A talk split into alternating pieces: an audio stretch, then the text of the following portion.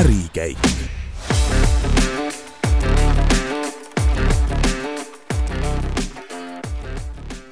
tere, head kuulajad! eetris on taas Ärikäik ning käes on juba kaheksas osa. saatejuhtideks on Gert Avasalu ning Berta Kortfelder. sel korral on meil stuudios Kaspar Pekk, tere! tervist! kes räägib meile enda loodud Hagen Bikesist. Hagen teeb tegelikult kastirattaid. Kust selline mõttevõrsus, et neid tegema hakata? et äh, miks ost-, otsustasite uuesti jalgratta leiutada? no nagu head ideed ja head asjad ikka juhtuvad, siis seal on äh, juhusel tavaliselt suhteliselt suur osa.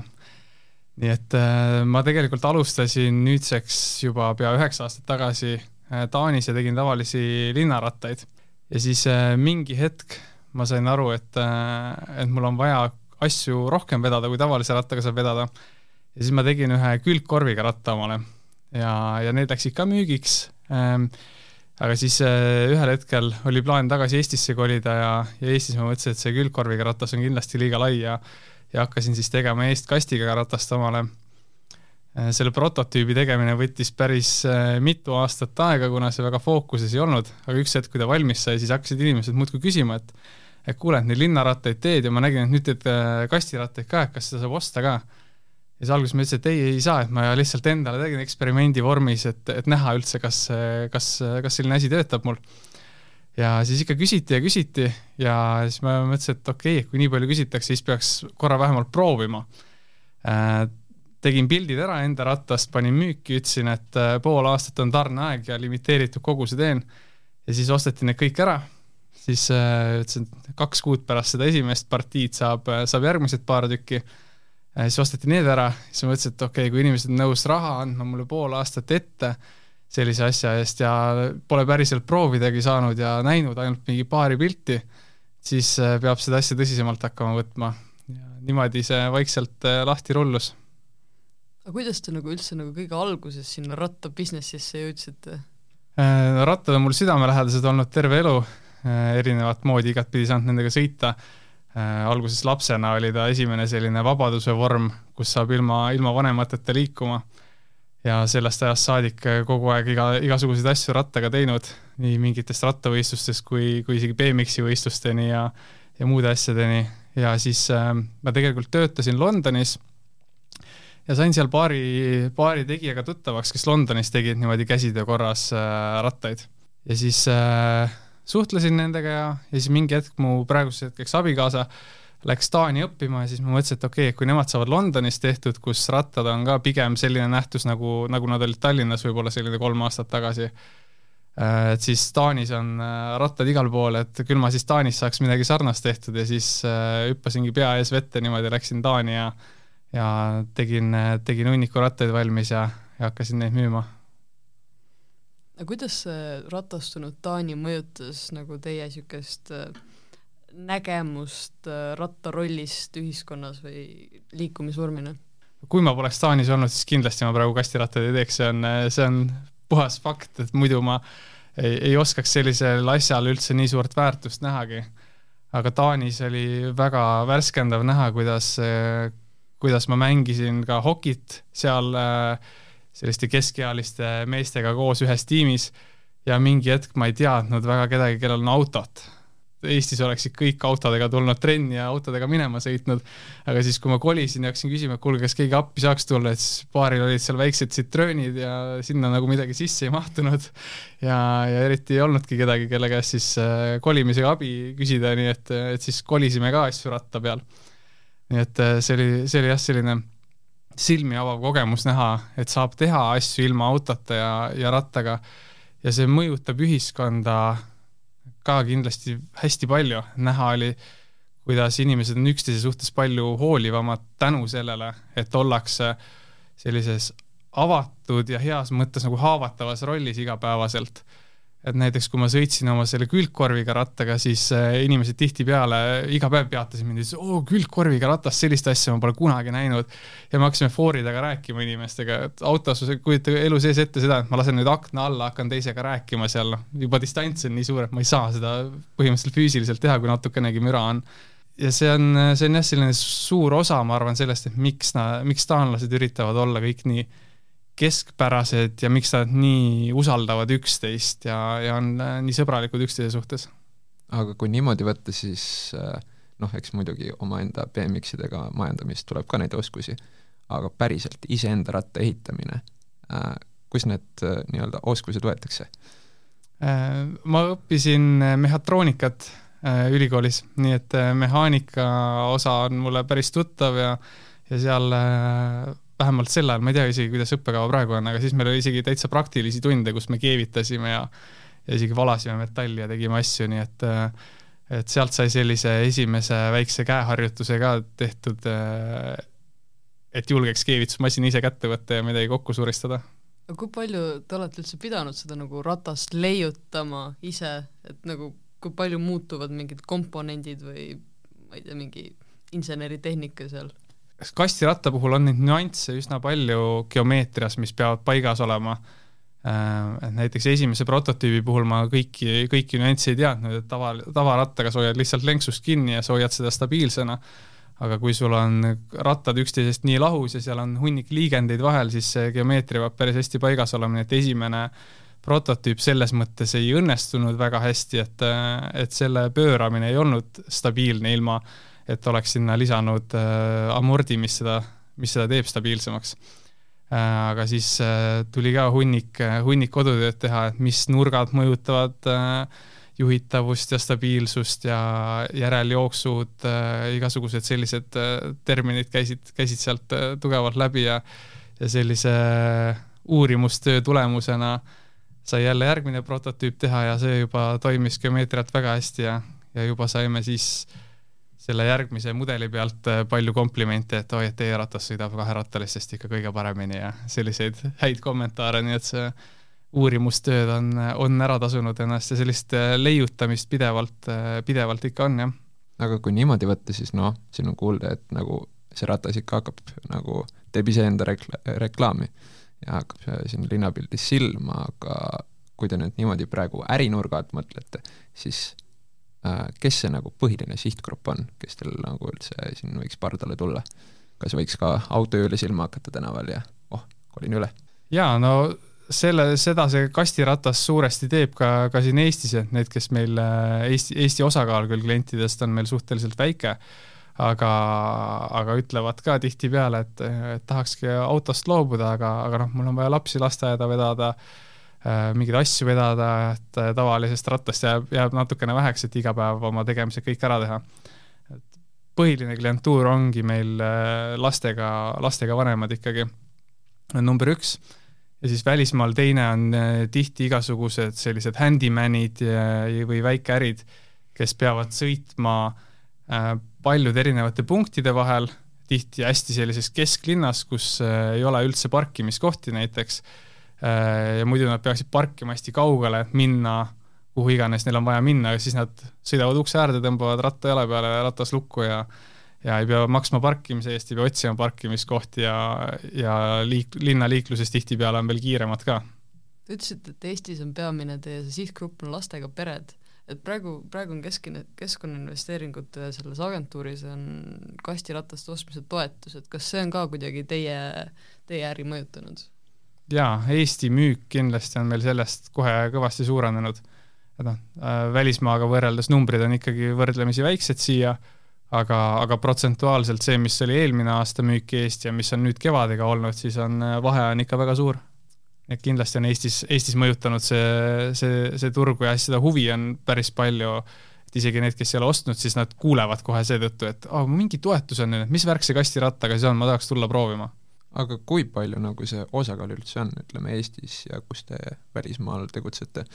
mis need arvud on, müügiarvud? eelmine aasta Eesti oli neli protsenti kogu meie äh, müügist. mis need peamised nagu välisturud siis on teil? Äh, Saksamaa on number üks, see oli viiskümmend neli või viiskümmend seitse protsenti, ma ei mäleta täpselt, ja siis Prantsusmaa oli teine, seal kuskil viisteist või seitseteist, ja siis olid, siis oli Šveits, Austria, Holland, Taani olid need järgmised neli seal ja siis tuli pudinatega igale poole üle Euroopa üksikuid rattaid mm. -hmm. aga te alustasite oma seda rattarit Taanis. kuidas te siis, kas te nagu laienesite Eestisse hoopis või kuidas see käinud teil on? jah, see algselt oli küll nii jah, et me nagu kolisime kõik asjad Eestisse, aga inimeste peas me olime ikkagi täiesti Taani, Taani firma äh, nüüd see, kui me tegime rebranding'u eelmine aasta, siis see, siis see muutus, et siis me saime justkui nagu Eesti firmaks ikkagi, aga neid Taani juuri äh, tuleb meie, meie loost ikkagi jookseb läbi, aga, aga nüüd jah, nüüd me oleme klientide peas ka ikkagi Eesti firma. Taani juured, kui ma vaatan nimele peale, Hagenbikes, kas see on nagu Kopenhaagen või kust see tuleb? jaa, see on sellest suuresti inspireeritud, jah. ma tuleks korraks nagu linnaruumi juurde või nagu niisuguse rattapöörde teemal, et noh, Taani ilmselgelt on selles rattateemas kõvasti Eestist ees, et mida võiks näiteks Tallinnal, mida kõvasti laidetakse igal pool, nagu õppida näiteks Kopenhaagenist just nagu ratta infrastruktuuri mõttes? no kaks nagu kõige põhilisemat asja oleks see, et, et selline linnas sees kergliiklustee kontseptsioon äh, ei tööta, et sellest tuleks aru saada, et et sa ei saa panna jalakäijaid, kes liiguvad null kuni viis kilomeetrit tunnis ja rattureid, kellest elektriratturid liiguvad kakskümmend viis kilomeetrit tunnis, ehk siis see kiiruse vahe on, on lõpmatusest kuni, kuni viie korrani, versus siis näiteks kui autot võtta, siis viiskümmend või siis tihtipeale tegelikult kolmkümmend on kiirusepiirang ja ratas kakskümmend viis, et seal on kuni kaks korda see kiiruse, kiiruse vahe. et, et need nagu selle, selles kontseptsioonis sobiksid isegi nagu paremini kokku väikestel tänavatel näiteks ja teine asi on, et tuleks keskenduda kindlasti nendele ristumiskohtadele, kus erinevad liiklusviisid äh, kohtuvad. et kui ma praegu siia ka sõitsin näiteks, siis äh, siis ma sõidan, sõidan, sõidan, ilus punane rattatee, siis tuleb bussipaviljon, see lõpeb ära ja inimesed äh, risti-rästi kõnnivad seal ja sa pead kogu hoo maha võtma ja igale poole vaatama nagu ämblik kaheksa silmaga, et kust sealt keegi tulla võib Äh, ja ristmikud samamoodi, et kui näiteks mõeldagi Tallinna Ülikooli eest tuleval äh, Narva maantee on see, eks ju, seal äh,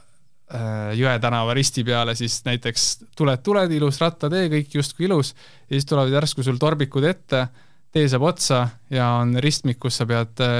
suunduma siis sebra peale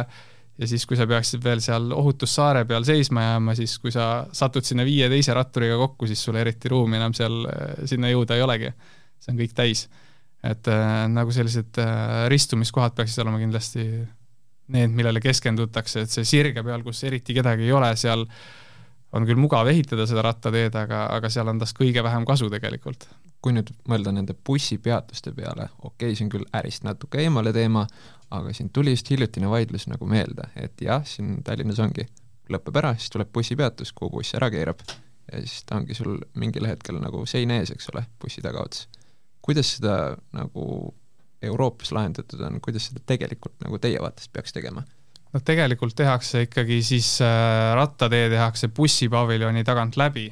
mitte see ei lähe sealt bussist siis äh, vasakult, äh, vasakult mööda. et, et jah, kui sul on eraldi rattatee, siis sa saad teha väikse bussipaviljoni taskukese eraldi reana, kas või siis sul on äh, kõnnitee, rattatee ja siis rattatee peale on tihtipeale tehtud sebra,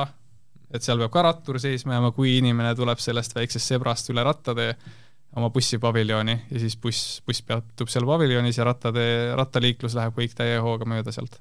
kui palju te olete kuulnud, et niisugune infrastruktuur nagu piirab inimeste rattaostust, näiteks noh, mina mõtlen, et okei okay,, rattaga on tore sõita, aga isegi see idee, kuidas ma peaks Tallinna liiklust rattaga nagu äh, manageerima nagu peatab selle idee, ma ei, ma ei jaksa diilida sellega. et kas, kas teile nagu öeldakse ka, et tahaks küll, aga ma ei, ei suuda siin hakkama saada sellega? jah, ma arvan, et see mõjutab eriti mingisuguseid, äh, mingisuguseid demograafilisi gruppe. Äh, et mina näiteks seda väga ei karda isiklikult ja teen kõik aasta ringi, sõidan lumega ka igal pool äh, linna läbi aga näiteks mu abikaasa, kes sõitis Taanis äh, mitu aastat kogu aeg rattaga, ütleb täpselt sama asja, et ai, et siin Tallinnas ma küll nendest postidest ja äärekividest ja kõikidest nendest takistustest äh, mööda ja ümber ja üle ei saa. Ähm, et tal on ka kohe selline äh, sein ees, et miks, miks näiteks mitte, miks tal ei ole näiteks kastiratast ja mul on. tavalise rattaga ta küll suvel sõidab suhteliselt palju, aga, aga selline äh, ma, ma protsentuaalselt ei oska öelda, kui suur see on, aga see on kindlasti väga suur protsent, et seda öeldakse ka igal pool mujal, kes ei ole võib-olla olnud aastakümneid rattariigid. nii kui ehitatakse rattateed, nii neid hakatakse kasutama ka. ütlesite, et te olete mehhatroonikat õppinud. Äh, TTÜ Rahvas on veel tegelikult teinud neid niisuguseid rattaarendusi igasuguseid, et äh, siin tuli just meelde üks äh, ettevõte, mis teeb neid niisuguseid elektrilisi, poolelektrilisi kastikaid. kui erinev see nagu äh, kas te nagu veidi ka konkureerite nendega või kui erinev see sihtgrupp on või kuidas te, kuidas te arvate, et see nii-öelda suhe toimub omavahel, kas te olete kuidagi sümbioosis või? me oleme omavahel suhelnud küll, äh, aga, aga väga konkurentsis me ei ole. Äh, ja no väga suurt nagu sümbioosi ka otseselt ei, ei ole nagu tekkinud. Äh, et see tehnoloogia seal peal on täitsa teistsugune, et kui kui üks ratas on ikkagi eelkõige ratas ja eelkõige sa ise väntad ja sul on ikkagi otseühendus taga, tagarattaga, millest on vedu ka, siis teisel juhul sa äh, väntad generaatorisse ja see tehnoloogia on hoopis teistsugune seal peal. et, äh, et jah, ei ole väga suurt sümbioosi ja konkurentsi mõttes ka on meil ikkagi erinevad äh, asjad, mis meil, mis meil müüvad, näiteks et kui me siin postiveostki kas või räägiksime, siis siis noh, meie ratas on eelkõige natukene kergemate asjade jaoks kui see, et sa paned sinna sada kilo või kakssada kilo paberit peale eh, ja pead iga mingi kümne meetri tagant peatuma, välja hüppama ja siis selle postkasti panema. et meie jaoks näiteks opera-, opereerimise mõttes on, on meie ratas selle jaoks keerulisem, et sa pead kogu aeg jala peale teda juba tõmbama. See juba on lisaliigutus, mida, mida selline postiveo inimene näiteks ei taha teha, et, äh, neil on erinevad kasutus, äh, erinev põhjus, miks nad olemas on ja, ja miks nad äh, seetõttu ka nii erinevad on. aga mängime niisugust mängu, ütleme, et ma nüüd tahaks ratast osta, veensite mind, ma saan Tallinna linnas hakkama küll. miks ma peaks just teie ratta ostma? meie ratas on, on eelkõige esiteks terasraamiga see on, mis meie, mis meie kliente kõige rohkem kõnetab, et tal on teistsugused sõiduomadused kui enamustel meie konkurentidel, tal on natukene rohkem nõtkuvust, ehk et ta tundub natuke nagu amordiga ratas juba siin Tallinna tänavatel äh, nendest aukudest ja ebatasasustest äh, läbi sõites. meil on pakkuda erinevad raamisuurused, erinevad kastisuurused ja üsna ainukesena me võime pakkuda ka eri, eri värve, et äh, kui teistel tulevad Aasiast äh, üks konteiner musta ja üks valget, siis, äh, siis äh, meie pakume kollast või kõike muud. aga milline see niisuguste mittetraditsiooniliste rataste turg Eestis on, et näiteks Amperil siin on raskused olnud. et kas see pigem on niisugune fad, mood või see on tulnud, et jääda? ma arvan, et Euroopas üleüldiselt on ta kindlasti tulnud, et jääda, selles mõttes me oma rohe-eesmärkidest taganemisel äh, Euroopal tagasiteed, ma arvan, et ei, ei ole ja, ja ratas on üks suur osa sellest, äh, et teha nii logistika mõttes kui, kui siis ka selliste erasõitude mõttes äh, on, on ratas kindlasti kontseptsioonina siin, et jääda tänu oma, oma nii rohelisusele kui tervise, vaimse tervise ja füüsilise tervise kõikidele headele mõjudele nii et ratta osas me kindlasti kuskile, kuskile tagasi ei lähe, see on, see on kindlasti siin, et jääda, kui kiiresti kasvab näiteks kastiratta osakaal Eesti liikluses, seda, seda on, et ta jõuaks mingisuguse märgi, märk, väga märkimisväärse osani, ma arvan, et sellega läheb äh,, läheb meil veel siin aega, kuigi need sammud, kuigi see võib juhtuda väga ruttu. näiteks Pariis on tõestanud seda, et nemad ehitasid näiteks kahe aastaga põhimõtteliselt terve linna ümber kui enne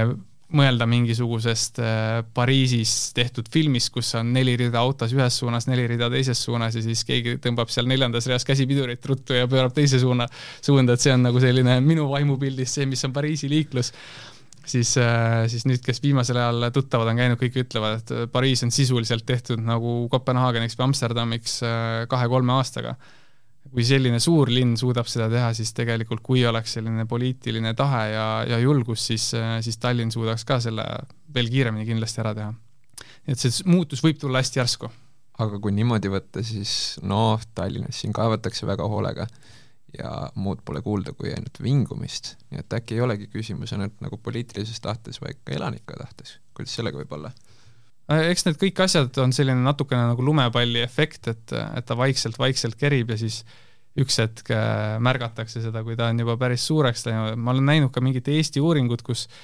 mis ütles et, et viiskümmend seitse protsenti eestlastest on linna, linnaelanikest Eestis, on valmis tegema oma sõite, igapäevasõite rattaga. et see on väga üllatav number minu jaoks, aga, aga see võib täitsa tegelikult olla, et, et tegelikult on palju suurem osakaal inimesi selleks valmis, kui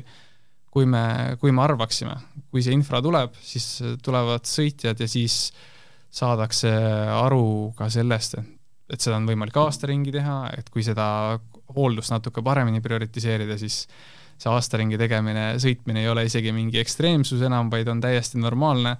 ja, ja eks ta niimoodi vaikselt-vaikselt tuleb ja tuleb, ma arvan, et kui mõelda mingi kümme aastat tagasi, siis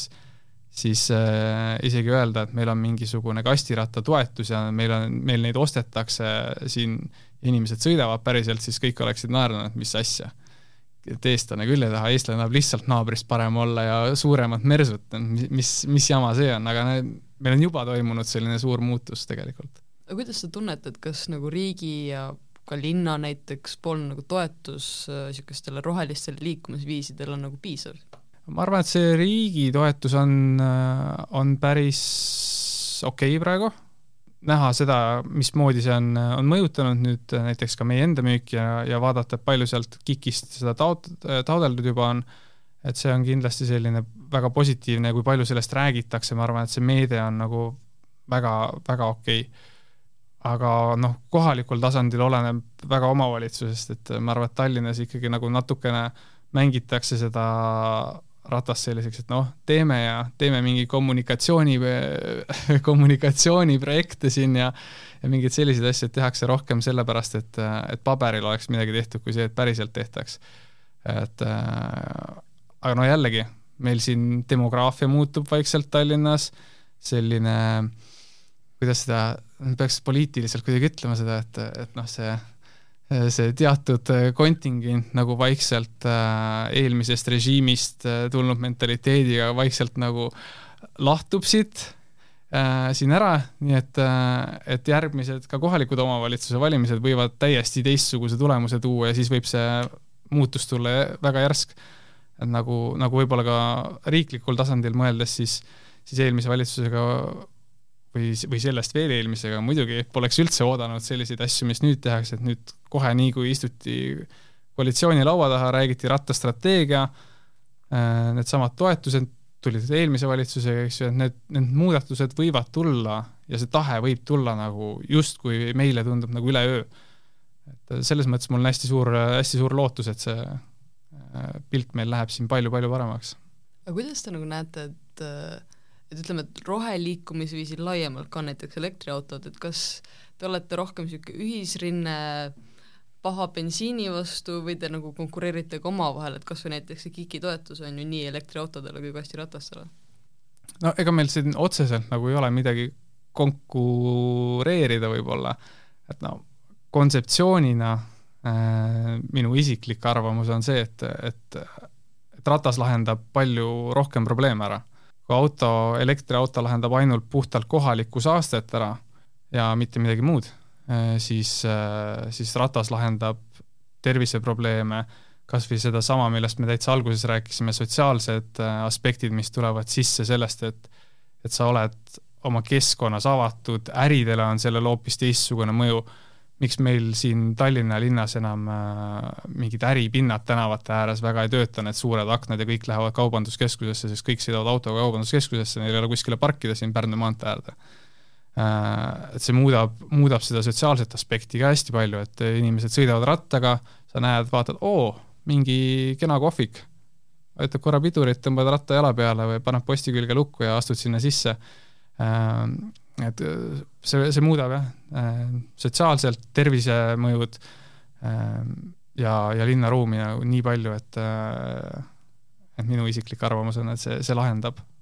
korraga palju rohkem. no te ütlesite, et nagu niisugune tugev ootus ja lootus on, et nagu nii poliitilise kui ka noh, ühiskondliku osa pealt nagu see asi üsna kohe on muutumas või on juba muutumas samas, kui võtta nagu mured näiteks Ampleriga, selliste noh, Danishis tegutsevate ettevõtetega, siis millest see tuleb, kas see on nagu mingi taak veel nendest eelnevatest aastatest, et nemad juba alustasid entusiasmiga, aga nagu võimalusi ei ole väga inimestel, seega väga ei osteta äh, või kus need, kus need mured võivad tulla? no eks ta mõnes mõttes see, võib-olla see, see meie, meie nišš, niši siis nagu suurenemine tuleb ka, ka selle arvelt, et, et kui elektrirattabuum üleüldiselt hakkaski seal kuskil kaks tuhat kaheksa umbes pihta, eks ju, või seal kuskil kaks tuhat kümme kandis Euroopas, et siis äh, pigem kaks tuhat kümme, kaks tuhat kümme, kaks tuhat kaksteist kuskil sealkandis Äh, ja siis äh, sellele, sellele rongile nagu Ampler sai, sai, sai väga hästi peale. Äh, et siis nüüd tuleb see selline kastirattalaine on praegu, kus igal pool riikides toetatakse, inimesed saavad aru, et see ratas juba kontseptsioonina on ennast õigustanud ja nüüd on, saadakse aru, et okei okay,, mul on vaja rattaga nagu natuke rohkem teha kui see, et mis see, mis see tavalise ratta mahutavus mul lubab. Et, et eks natukene on kindlasti sellist elektriratast enda sisse võtnud see, äh, see kastiratas üleüldiselt Euroopas igal pool. ja, ja noh, ega väljas sisse vaadates, ma, ega ma sealt seest kõike ei tea. Äh, et, äh, et võib-olla nagu noh, ei saagi eeldada, et mingid trendid nagu jätkuvad lõpmatuseni, et sama on kindlasti kastirattaga, et praegu see turg on hästi noor. ja seetõttu ka meie üldse suudame sellist asja teha, suudame siin teha, et ilmselgelt äh, mingi kümne aasta pärast, ma arvan, teha nii palju rattaid, kui me täna teeme aastas, oleks võimatu, sest konkurents kümne aasta pärast on kindlasti hoopis teine. me ei saa jääda igavesti sellisesse nii-öelda nagu startup'i mentaalsusesse ka, et kasvame küll suurelt, aga kasvatame kulusid veel suuremalt ja ja üks päev teenime selle tagasi, sest meil on tehtud projektsioon, et äh, kümme aastat me muudkui kasvame kolm, kolm või neli korda või vähemalt kaks korda aastas, et mingi hetk see, see maht sellel konkreetsel ärimudelil ja sel tooteportfellil saab, saab ilmselgelt täis. äh, et, et noh, eks, eks need on võib-olla mõni, mõned sellised asjad, mis, mis lihtsalt nagu kõhutunde pealt tunduvad, et millega peaks, peaks, peaks arvestama kui palju te olete nagu mõelnud, et kuidas see üleminek võiks nagu teil minna, et nagu sellest startup indusest nii-öelda traditsioonilisema ettevõtteni, jätkusuutlikuma ettevõtteni majanduslikult? seal ongi mingisugune äh, mini-, minimaalne kogus aastas tuleb ära teha, mis, mis maalt see hakkab edasi õigustama ennast ja siis äh,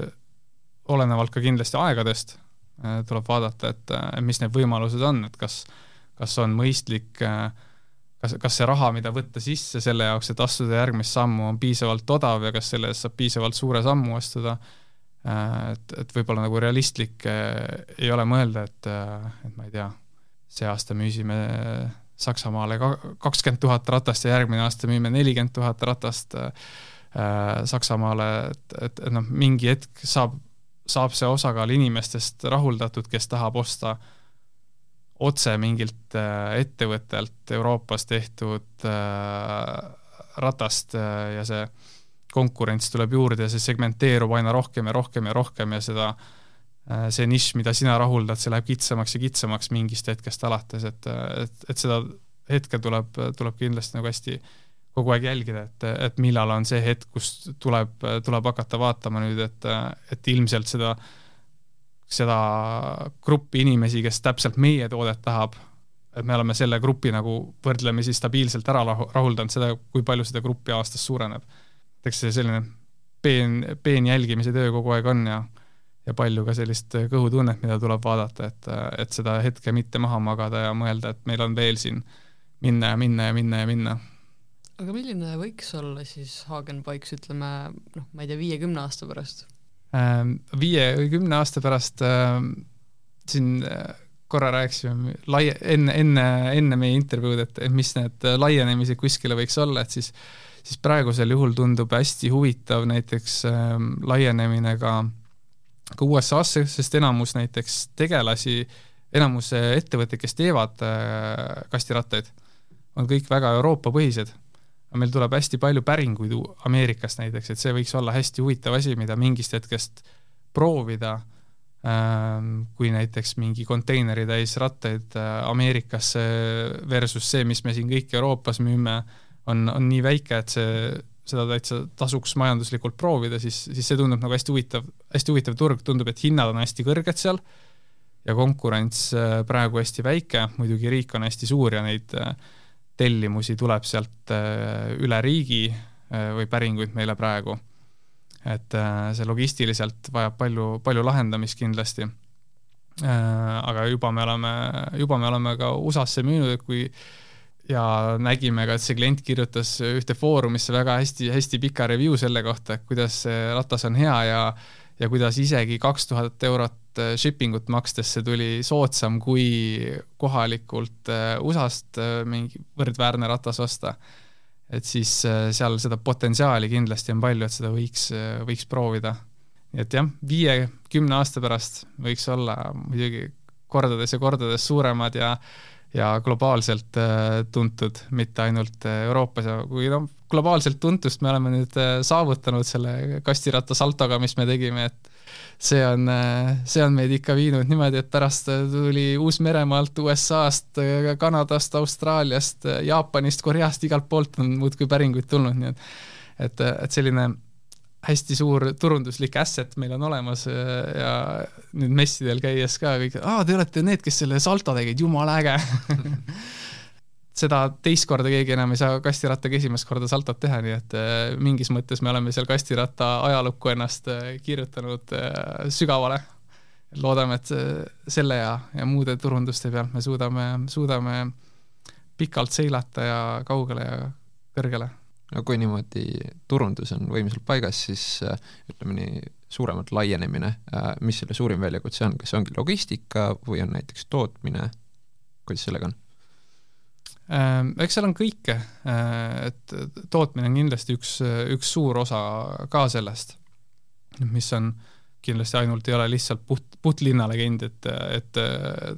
midagi füüsilist teha on, on mõnes mõttes raskem kui kui mingit tarkvaratoodet äh, ship ida, sul on kümme tuhat või sada tuhat või sada miljonit klienti, et noh, väga palju, väga suurt vahet ei ole, aga, aga noh, tootmine kindlasti on selles mõttes keerulisem, aga füüsilisel tootel on mingid eelised ka, et äh, et näiteks äh, seadusandluspool, mis, mida just nüüd tehakse, et tehakse kastirattastandardit näiteks selles mõttes me oleme ka hästi õige, õigel ajal õiges kohas,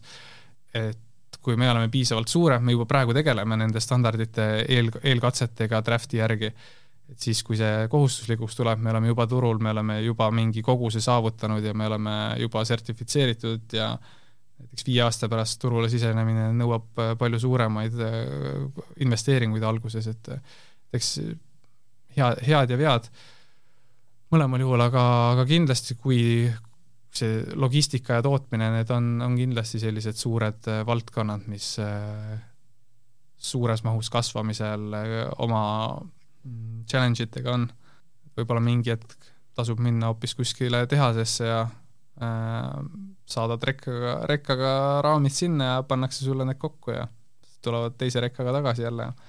võib-olla mingi hetk tasub seda kõike outsource ida ka, neid äh, valikuid on palju ja, ja neid me kogu aeg kaalume ka, et mida täpselt äh, tulevikus teha. aga kus kuidas ja kus tootmine teil praegu käib?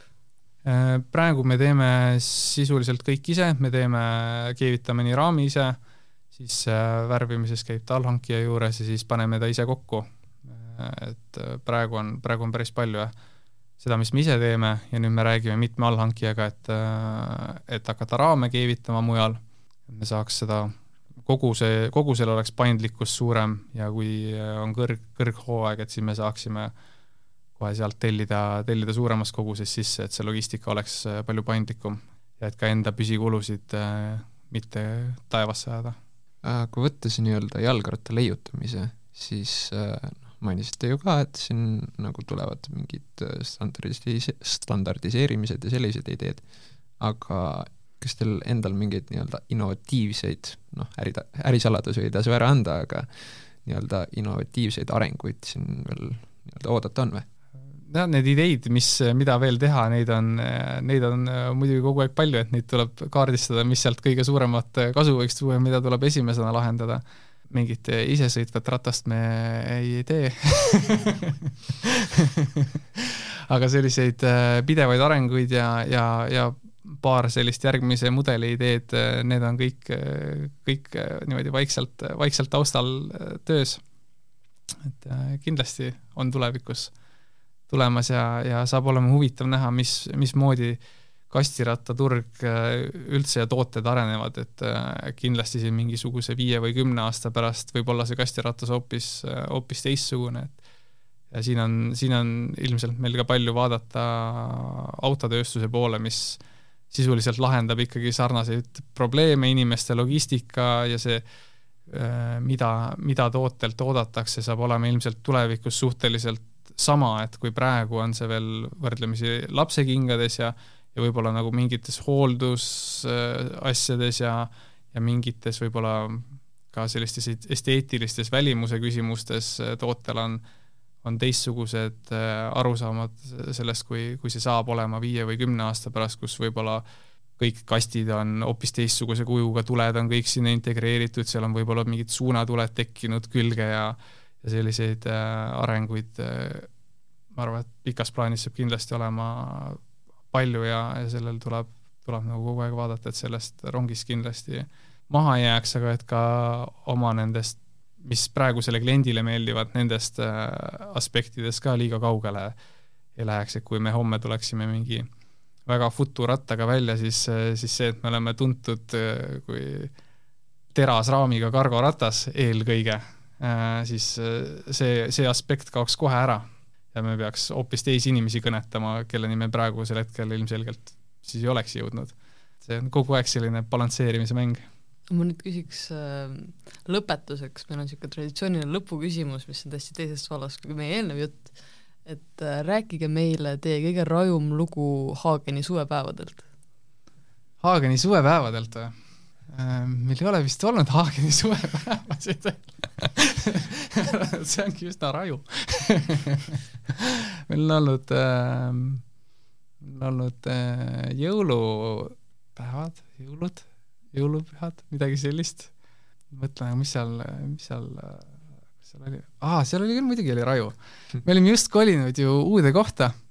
ja siis äh, me olime kõigepealt äh, Noblessneris iglusaunades, võtsime seal sauna ja õlut ja meil oli veel seal Saksamaalt inimesi kohale tulnud, kes, kes meil igapäevaselt asjadega tegelevad ja ja siis äh, oli veel, siis olid koroonapiirangud ka veel, nii et siis, kui me saime oma saunades käidud, siis siis nagu kuskile minna ei olnud, siis me läksime oma värskelt uutesse kolitud ruumidesse. Ja meil oli seal vaja köögis natukene kööki laiendada ja siis äh, võtsime seal ühe seina ilusti maha niimoodi, et niimoodi, et meil järgmine esmaspäev siis oli mingisugune, keegi tuli meile veel külla esmaspäeval sinna ja siis äh, vaatasin, et oo, teil on siin päris palju kipsitükke ja puru maas igal pool, et mis siin juhtus, miks siin seinas suur auk on? See oli planeeritud, aga mitte sellele päevale, see mahavõtmine, nii et ähm, see, see oli küll üsna raju, jah väga hea. see on siiani kõige, kõige parem nagu selline lugu, ma arvan jah, jah. nii et jah, siis hüppasime, hüppasime läbi seina seal selge, aga aitäh tulemast ja aitäh kuulamast! aitäh!